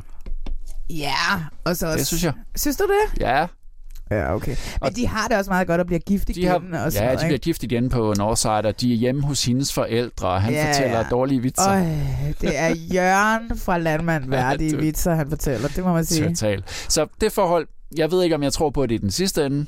Jeg tror stadigvæk, han er for sød og for uerfaren til hende. Ja. Mm, Men de er i hvert fald de er meget høflige over for hinanden. Ej, Ikke? de er virkelig flinke over for hinanden, det må Ja. man sige. Altså, Eva og Karsten, det er jo eksploderet. Karsten, han bliver ved med at beskylde produktionen for at have lavet et dårligt match, og han nægter. Altså, han er virkelig blevet en Ej, skurk. han er sådan en nederen ja, menneske. men han jo Undskyld. så- ja, men jeg har det. Oh, det er jo næsten en million seere hver uge, ikke? Hvis man tæller alle streaming-serierne med, tror jeg, det Ja. er sikkert deroppe af. Og prøv at tænke at være så forhat af en million mennesker, og han er jo også været ude nu i den her uge. Og blive klippet forkert? Han, mm, ja, Er og så klippet han, forkert? Jamen, han er også ude i at sige, at han ved faktisk ikke, om, hans, om folk vil komme på en campingplads længere. Fordi han er Karsten fra Gift første blik. Og Det tror jeg heller ikke har været meningen. Nå, jeg vidste ikke, at han havde en campingplads. Jeg troede, han var Jo, jo. brandmand. Nej, han har jo en campingplads også. Nå, det er der, hvor han er Der, hvor trebenet hund render rundt, Ja. og præsten kommer og prøver at overtale ham, og han er bare sådan, det er produktionens skyld. Ja. Jeg har matchet mig med en forkert. Ja. Det er helt eksploderet, det Men det er, jo, det er jo sådan en typisk reaktion, ikke? Det er jo altid, altså, så, de er jo billedet, ikke? Og det er jo dem, der har gjort det, og så derfor så er det dem skyld. Det er, det er produktions skyld, og ikke hans skyld, for kun at give det tre dage, og så fordi hun ikke gad at knalde med ham, så gider han ikke. Var man øh, konspiratorisk, så kunne man jo sige, at der castet for, at det skulle gå galt. Hvad tror du egentlig? Det er der jo mange derude at sige, at, at for at lave godt fjernsyn, så skal vi også have nogen, hvor vi caster dem forkert med vilje. Kan man det? Det kan man da godt. Kan man det? Det kan man da godt. Det ved jeg ikke, om de har gjort det. Altså, tror du det? Tror du virkelig, at man er så ondskabsfuld, så man gifter folk bare for, at det skal gå galt? Det, jeg, jeg, jeg er naiv måske, men det tror jeg simpelthen ikke på. Jamen, jeg tror heller ikke, de har. Altså, men det, som jeg tror måske også er, det er, at der ikke er så meget at vælge imellem. Og øh, jeg Der tror, har været næsten 600 tilmeldte. Okay. Blæret. Mm. Og så tror jeg også bare, at... Øh, men så er det noget med, at vi skal have et par i den alder. Og så Ja. har der måske ikke været så mange der, og så har man ligesom måttet gå på nogle kompromiser. Men Ja, havde du set det komme, at de to slet ikke kunne sammen? Nej, jeg synes, det er den første dag. Altså, og jeg tror også bare, at han havde på, fået for, på fornemmelsen der den første dag, at hun også bare var sådan lidt liderlig, ja. altså, ikke? Fordi hun ja. godt gad, og de der kys var meget våde og, og saftige og sådan, ikke? og han er jo sådan lidt liderlig, ikke? Altså, Fuldstændig. og, og det, for ham er sex vigtigt. Ja, ja, men prøv at det er vigtigt for os alle sammen. Men det er jo ikke sådan, øh, prøve at stikke den ind, mens man ligger og halsover, vel? Altså, og så bebrejde en bag det dagen efter, fordi man ikke gad at have sex. Altså, det er jo så nederen. Altså, nej, selvfølgelig har de da ikke kastet det for at gå galt. Det tror jeg simpelthen ikke på. Nej, nej. Vel? Nej, det tror jeg ikke. Vi er måske naive, men det, det tror jeg Det er ikke. stadigvæk det er et prime time. Altså, Det er simpelthen for tageligt at tage Ja. mennesker igennem og kaste dem med vilje, for at det skal eksplodere. også lidt sjovt. Apropos sex, så sad vi to jo sidste gang og sagde, ah, Ronja og Cecilia, det er helt tydeligt i teaserne. Vi gætter på, at de har haft sex, og det er derfor, hun fortryder. Det var så bare lige lidt forkert, ikke? det var bare, de havde uh. drukket sig fulde, og så troede vi, de havde haft sex. Det var ikke det, der var sket. De havde haft et kæmpe skænderi. Ja. Det var også bare gået galt. Ej, men det er, så, det er jo også det er så skrækkeligt. Ja, og han bliver simpelthen så ked af det, så han faktisk tager hjem, ikke? Jo, jo, jo. Ja. Ja, men jeg, På bryggen med hendes veninder. Ja, men og så hun sidder der med ryggen til ham ja. og inviterer ham ikke ind i fællesskabet. Jeg kan fandme godt forstå, at han hjem. Og hun har så ude at sige nu, det passer ikke, og det er klippet forkert, og han sad kun sådan der i to minutter. Men han er taget hjem alligevel. Han, ja. han tager hjem efter den der oplevelse. Ja, men man kan også se den der øl. Altså, han skal drikke meget hurtigt, fordi man kan se lidt i starten, og så er der noget i, og så kan man se lidt... Altså, han har ikke siddet der i to minutter. Det er også godt galt. Nej. Ja. Jeg sætter min lid til Stefan og Vanessa lige nu. Ja. Altså, det startede jo ellers dårligt i det sidste program, ikke? hvor hun ligesom siger til ham, du bliver simpelthen nødt til, jeg, kan, jeg skal være alene. Jeg Ja. kan ikke, det er for massivt, det her. Ja, men det, Vanessa, hun er meget... Hun skal være alene en gang, ja. Det tror jeg. Lad os lige høre et klip fra den samtale, som Vanessa er nødt til at tage med Stefan. Jeg havde det øh, svært med at skulle sige det til Stefan, at jeg havde brug for et pusterum. Øhm, men det var noget, jeg havde behov... det, det var noget, jeg skulle sige. Der, der er ikke noget at om. Jeg havde det bare svært med at skulle tage det første skridt og så sige det. Det er det der med, at at nu er man to hele tiden. Før var jeg bare mig mm. øh, hele tiden. Øh, så det er en stor omvendling for mig, at, øh, at man lige pludselig er to 24-7. Det forstod han. Ja. Han var sådan, okay. Og så tog han væk. Ja, men han er sgu en cool guy, altså. Han vil bare gerne være i kontakt med sine følelser, og han elsker at tale om følelser, og han er sådan... Han er meget følelser, og vil meget han vil dybt, dybt op i hende med hendes følelser. Jamen, jeg synes bare, han er god til at tale om det også. Ej, Og han er vildt god og til han at er god tale til om at give det. det en chance. Jeg synes, han er skøn. Og, Jeg kan godt lide ham. Ja, og så fik hun lov til at savne ham, og det gjorde Ja. hun, og det hjalp. Ja. Det hjalp rigtig meget. til gengæld der til sidst, der er et eller andet, ikke? Der er noget selvfilmer der til sidst, hvor man lige er sådan lidt, uh, har de været sammen, har de ikke? Ja. De virker i hvert fald. Det er som om, det er det par, man skal tro mest på lige nu, er det ikke det? Jo, jo, helt sikkert. Man kan også håbe på, den der med Ronny og Cecilie venner lige pludselig, ikke? Ja, man, ja, man kan håbe. Skal du se det færdigt? Selvfølgelig skal jeg se det færdigt. det er jo det mest, altså er det ikke det mest omtalte tv-program i, i, i, Danmark lige nu? Jo, det tror jeg. Det tror jeg, det tror jeg. Helt vildt. Ja. Det må være hæftigt at være med i. Ej, det må være så grænt. Specielt her, når det bliver sendt, ikke? Ej. Fordi alle folk har en holdning til dig. Ja. Vi sidder også her. Alle, alle sidder og har en holdning til dem. ja. I mode, I så modige, jer der med, og, vi, og man sidder jo, grunden til, at vi har en holdning til det, og alle folk har en holdning til jer, det er jo simpelthen, fordi man kan se noget af sig selv i jer. Ikke? Man kan virkelig læse sin egen historie ind i, i de her folk.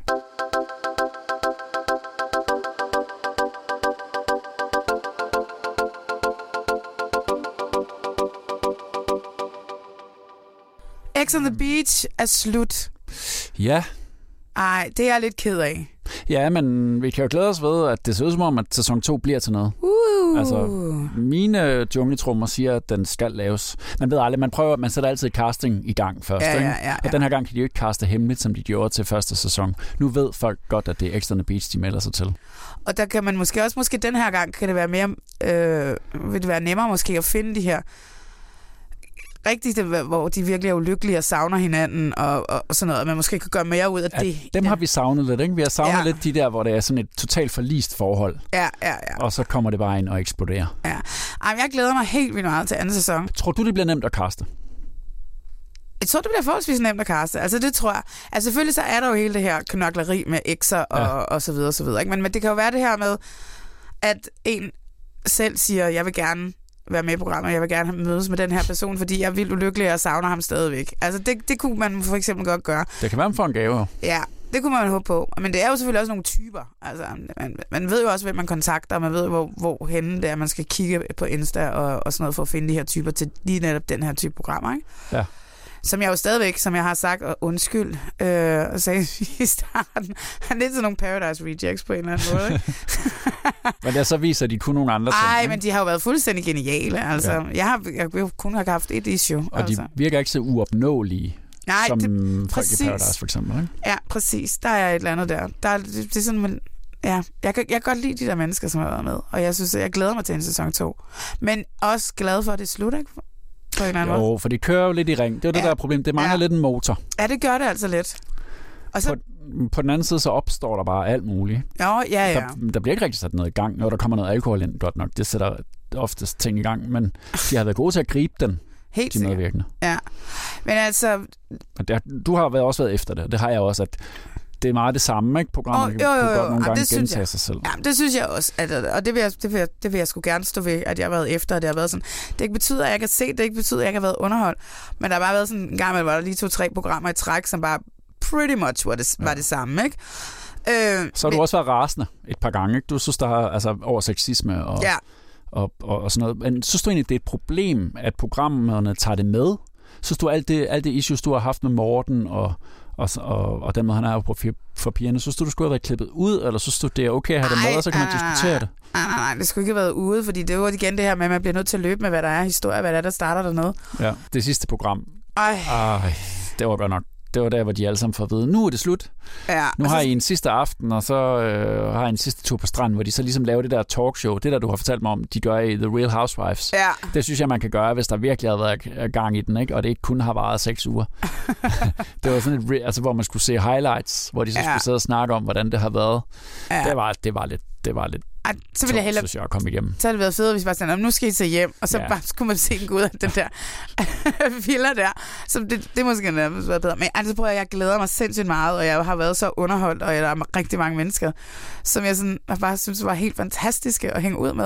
Det er i hvert fald lykkedes at lave noget, der nu får en sæson 2. Ikke? Der har været Bikini Island, som ikke fik en sæson 2, Ja. og så har der været det perfekte match, som jeg selv var med på, og som jeg selv synes blev nogle ret gode programmer. Det var, sammen, det var også Kanal 4. Ja. Det fik desværre heller ikke en sæson 2. Nu kommer der noget endelig, som får en sæson 2, og så Ja, kan det, det være, at man kan gøre noget ved Helt sikkert. børnesygdommene, men jeg tror bare, det er noget, der ligger i formatet. Ikke? Det ligger Ej. ligesom i formatet, at der ikke er noget, der driver det frem. At Mm.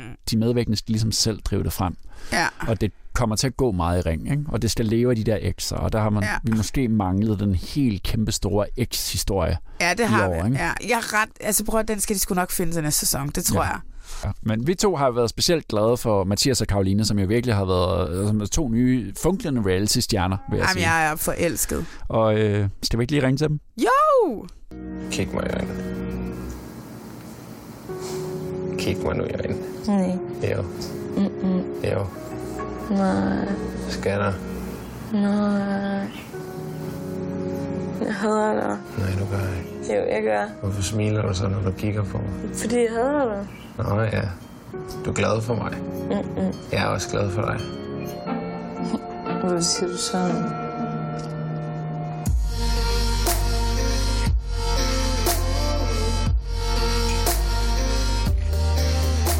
Jeg har forholdsvis store følelser for Karoline. Jeg bliver taget med storm med PT, det gør jeg.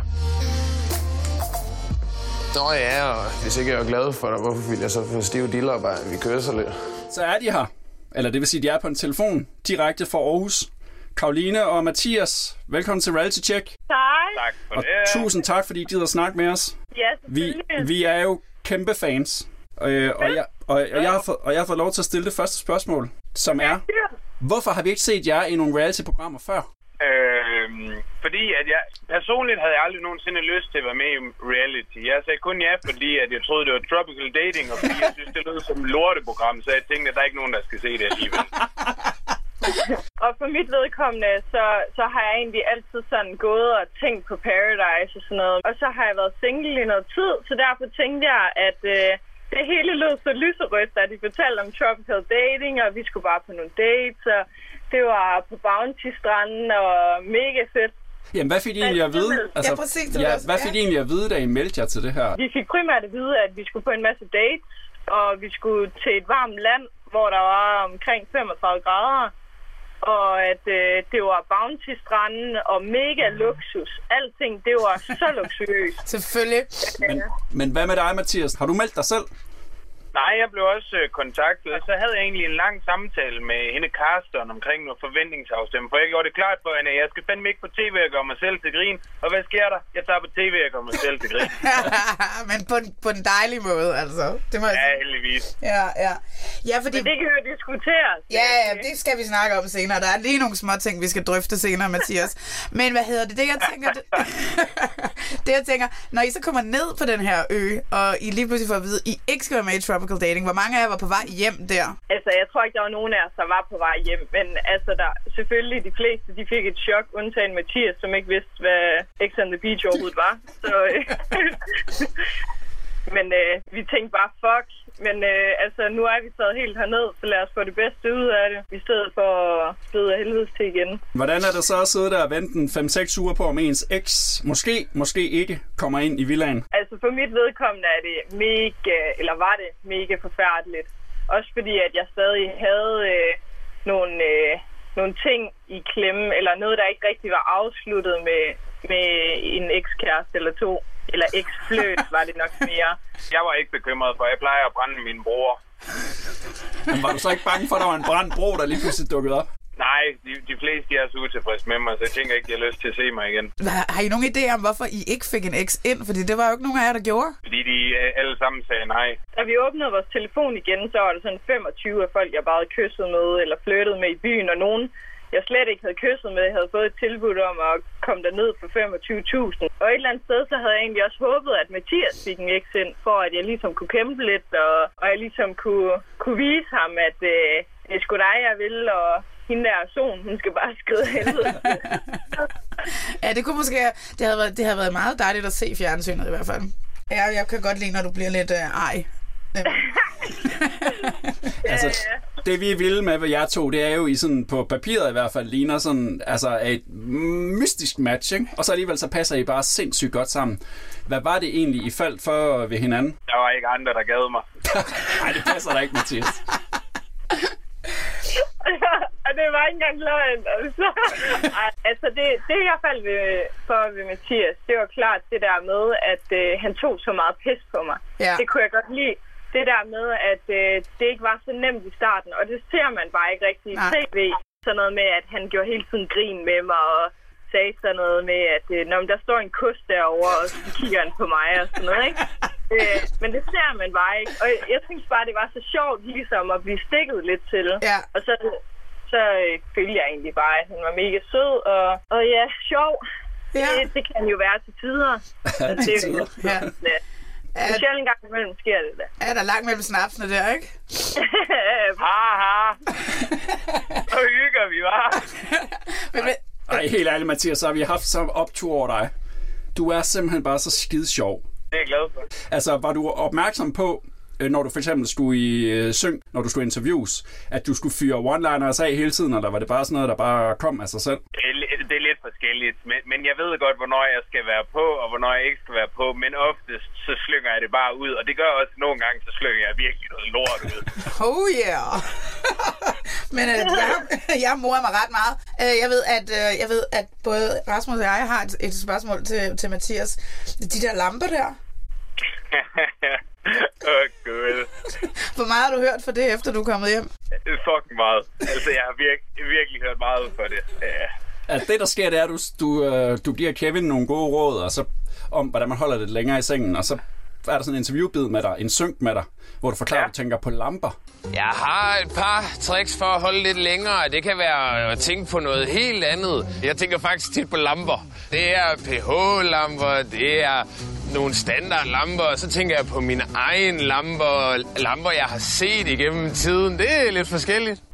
Hvor fanden kom det fra? Er det rigtigt? Ja, ja, er det, er det rigtigt? Det vil jeg faktisk også gerne lige høre, skat. Jeg, jeg vil faktisk sige, at jeg har brugt det før, men jeg har ikke brugt det med Karoline. Eller også er det bare noget, han siger, at han ikke har brugt, fordi at han er billig og han kommer så hurtigt. Altså, det tager man jo ikke sige. Når jeg møder nogen, så plejer det også lige øh, at sige et eller andet med, om jeg får tænkt på nogle lamper eller et eller andet åndssvagt. Folks reaktion på jer, hvordan har det egentlig været?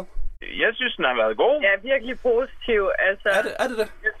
Ja, jeg synes, vi har fået rigtig mange kommentarer om, at de var øh, favoritkoblet og så videre. Så Okay. jeg synes, det er mega fedt, at folk de...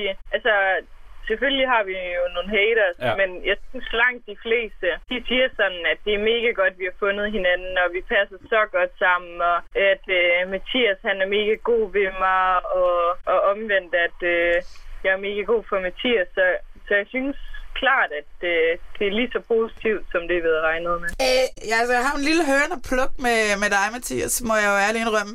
Så jeg tænkte, ja. vi lige skulle tage den nu. Fordi at næste gang, og det ved jeg, næste gang du skal lave noget reality eller i fjernsynet, og du skal knalde med Karoline, så skal du lade være med at kigge ind i kameraet, når du kommer. For det er meget grænseoverskridende, og lige pludselig så er jeg meget mere med, end hvad jeg egentlig burde være. Hvorfor blinker du til det kamera hele tiden? Ja, det er et godt spørgsmål.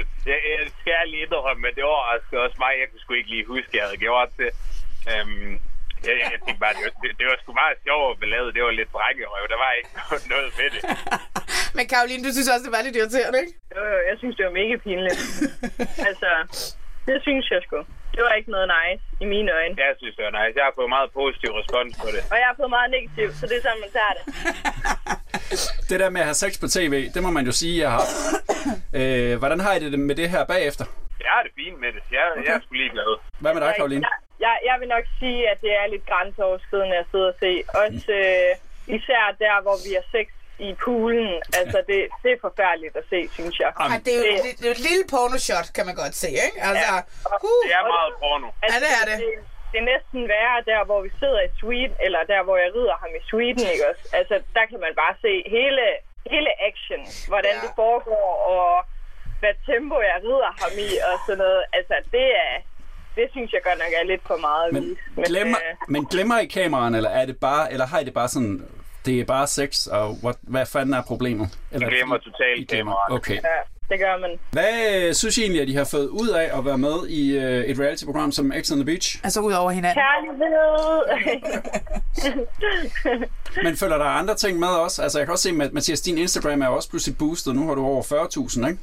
Følger. Ja. Hvad sker der i din øh, indbakke? Øh, det kommer sæt med, hvad for en afsnit, der er blevet vist. Er det egentlig svært at få sådan et kæresteforhold til at fungere bagefter, man har været med i et reality-program som øh, X on the Beach? I må få så jeg havde sindssygt mange virkelig- tilbud begge to. Altså. Jamen, jeg, jeg havde virkelig forventet, at øh, det ville gå meget værre, end det har gjort. Nå, hvor dejligt. Og jeg synes, det, det er gået så godt imellem mig og Mathias, og det bliver bedre og bedre for hver dag, vi er sammen, og jo længere tid vi er sammen. Så det er også derfor, at vi har besluttet os for, at vi skal flytte sammen ned, så vi kan være sammen endnu mere. Nå, hvor er det dejligt. dejligt. Og I kan godt gå i byen i fred og sådan noget? Nej. Nej, okay. det vil sige, at vi kan godt konkludere, at folk ser X on the Beach. Ja, Ja, for helvede. ja. Vi var faktisk lige booket ud i fredags øh, til sådan en event i Haderslev, hvor folk bare gik fuldstændig amok, og vi kom ind til Kinky Fætter, og folk de var sådan, oh my god, det er for X on the Beach. Og man kunne bare ikke være alene på noget tidspunkt. Alle de vil bare hen og have billeder med en og så videre. Det er da meget fedt, er det ikke? Jo, Det er sjovt lige at være Justin Bieber for aften. Ja, ja, man føler virkelig, at man bare er Justin Bieber for en aften. Ja. Nå, men I skal jo ud og se på det der hus lige om lidt. Så det kunne være, at vi skulle lade jer gå. Ja, det skal vi. Yay! Tusind tak, fordi I findes, og tusind tak, fordi I gad at være med i fjernsynet. I Ej, og tak for godt fjernsyn. Ja, I Altså. er, I har Ja, virkelig været tak.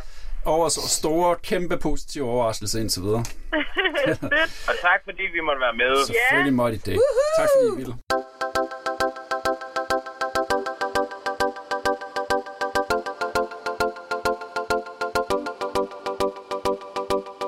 Inden vi slutter helt, Yes. så skal vi jo gøre det, vi altid gør. Vi skal kåre uh, vores helte ja. og vores skurke i reality-verdenen Ja. siden sidste program. Hvem er din helt? Men min er faktisk, min held er faktisk to helte den her gang. Fordi at jeg vil gerne øh, sige, at min ugens held er, er hvad hedder det, Tina Lund og uh, Allan, Allan Nielsen Fra Forside Fruer. fra Forside Fruer. Og det er på grund af en enkelt scene, ikke? Men det er fordi, at øh, det er den her scene, hvor at øh, Tina Lund, hun, har, hun vil gerne spice up the relationship eller et eller andet. Og så har de bygget et lille skur, som... Øh, i deres sommerhus, og så kommer han hjem, og så er hun blevet stylet, og sidder i fragt undertøj, og Altså, de, altså, og de lægger sig på sengen, og der kommer sådan noget flødeskum frem, og det er så akavet. Det er så akavet. Det, altså, jeg har aldrig set noget så akavet i hele mit liv, samtidig med, at det også er lidt sødt, ikke? Og jeg vil sige, at grunden til, at de bliver mine helte også lidt, ikke? At, at, altså, man har aldrig været så tæt inde i soveværelset i nogen forside fruer. Altså, vi Ej, er er, altså, vi er på nippet til at være med til at have sex med dem, ikke? Altså, Ej, nu må du hellere hælde op. Det, det er længe siden det her, var. Hvordan gør man? Hvordan gør man? er det sådan her? Du holder glasset, jeg hælder. Jeg kan se på alle, at han er rigtig glad og også lidt rørt. Øh, og også, at han føles altså, det er måske også en lille smule akavet for ham. Fin kjole har du på. Ja, Hold da både Janni og Jackie har været og hjælpe mig. Nå. Så de har været med til at plukke blomster og hjælpe med at indrette. Ej, hvor er de gode. Og så har de også hjulpet med det, jeg har på indenunder. så skål for det. Okay, jeg skål for det. jeg synes, det var så fuldstændig sødt. Og det, Tina Lund også vokset på mig i Det var, Forside ja, det var et ret sødt øjeblik. Ja, jeg, synes, jeg, kan, jeg kan ret godt lide Og hende. hvis altså. man har sat forsidefruer uden filter, så forklarer nogle af de andre damer, at de skal så se den der scene, der er Tina Lund ikke med. Ja. Ja. De, de forklarer, at det er måske grund til, at det virker så akavet. Det er måske, fordi når man har været sammen så længe, så det med, at man pludselig skal være romantisk, mens der er kamera på, det er bare, det er sådan lidt underligt. Med den måde, det, de skal finde den der flødeskum. Der, Ej, gemt hvad er det, der ligger der? Og så, og så vil han jo ikke spise den, fordi der er for mange kalorier i. Og det er så perfekt. Det er så perfekt. Jeg elsker dem. det Jeg en vil se mere til de to. Det er en styr scene. Ja. Hvem er din held? Min held, det er Stefan fra Gift ved første blik. Ja, selvfølgelig. Ja, og det er det, fordi jeg øh, køber stadigvæk ind på, at han så gerne vil dybt ind i Ej, hvem Vanessa. op i hende? Og da hun ligesom siger fra og siger, nu skal du tage afsted, så i stedet for at sige, hvad fanden mener du, så, prøver, så forstår han det. Siger han, okay, så trækker han sig. Og så tager han til familiefest og taler om følelser, og han taler om følelser i synk og taler om følelser og følelser. Så vender han tilbage til Vanessa, og så virker det som om, det faktisk har været en god idé. Så han skal have et kæmpe thumbs up for at Ja, lytte han er til cool, hende. han er cool, han er cool. Ja. Ja, ja, ja. Skurken? Karsten fra Gift Karsten første blik. Jamen, fra der er, Gift første blik. altså, Jeg kan, ikke, øv. jeg kan ikke komme udenom, jeg bliver simpelthen nødt til at gøre ham til min uskurk. Ja, og jeg synes, det er lidt synd, det der er ved at ske med ham på tv lige nu, fordi at hele Danmark må have ham, og det må ikke være særlig sjovt. Og så kan man sige, du er selv udenom det, men det... Mm, Jamen, det er han jo også. ja, Altså, det, det er måden, Jo. han angriber produktionen på, det er måden, han angriber... Altså, han har intet gjort galt. Ja, han vil Øh, ikke tage ansvar for det, nej, der er gået galt i præcis. hvert fald. Og det er nogen andres skyld, og det er dem, der har matchet ham skyld. Og det er ikke Evas skyld, Nej, det er dem, der har matchet dem skyld. Ja, jeg synes lidt, det er også lidt det ansvarsfralæggelse. helt sikkert. Men altså, det gør sgu lidt ondt i mit hjerte, at en, der skal han stå ene mand, ikke? Ja, Og være skurk for hele Danmark, og det er altså ikke, det er altså ikke sjovt. nej. Det synes jeg også lige, man skal tænke over, inden man opsøger ham på de sociale medier, skriver til ham, han er en kæmpe idiot, så skal man lige stoppe op. Ja, okay, sig det til folk, der gør sådan nogle ting der. Jamen, det kan du ikke sige til Det folk. kan der du ikke sige ting. til sådan noget. Nej. Vi skal jo lige sige, hvor man kan finde os hen. Man kan finde os på Instagram. Øh, der hedder vi Reality Check. Der kan man bare gå ind og søge der. Og så kan man øh, også finde os på Facebook. Vi vil sindssygt gerne have flere, der følger os begge steder. Ja. Og så skal man selvfølgelig huske at downloade vores øh, podcast, og man skal huske at gå ind og rate os. Vi Ja. får noget af det der ratings, det har vi Det altså brug betyder for. alt. Ja, det har vi brug for. Så hvis du hører den her podcast alligevel, gider du så ikke gå ind og rate os. Stik lige ind på iTunes og giv os fem Ja, stjerner, fordi tak. så er der flere, der kan opdage den her podcast. Men jeg tænker, at øh, altså, du har jo en, en ven, som er sådan en total somi-ekspert, som hedder Anders Hemmingsen. Anders Hemmingsen, og jeg ved også, at han elsker reality. Og han elsker reality. Skal vi ikke Ja. prøve at invitere ham herind? Det kan være, at han kan lære os lidt om somi, og så kan vi snakke reality med ham i næste gang. Det tror jeg, han kan. Lad os gøre det. Det gider jeg godt. Lad os gøre det. Vi ses! Hej.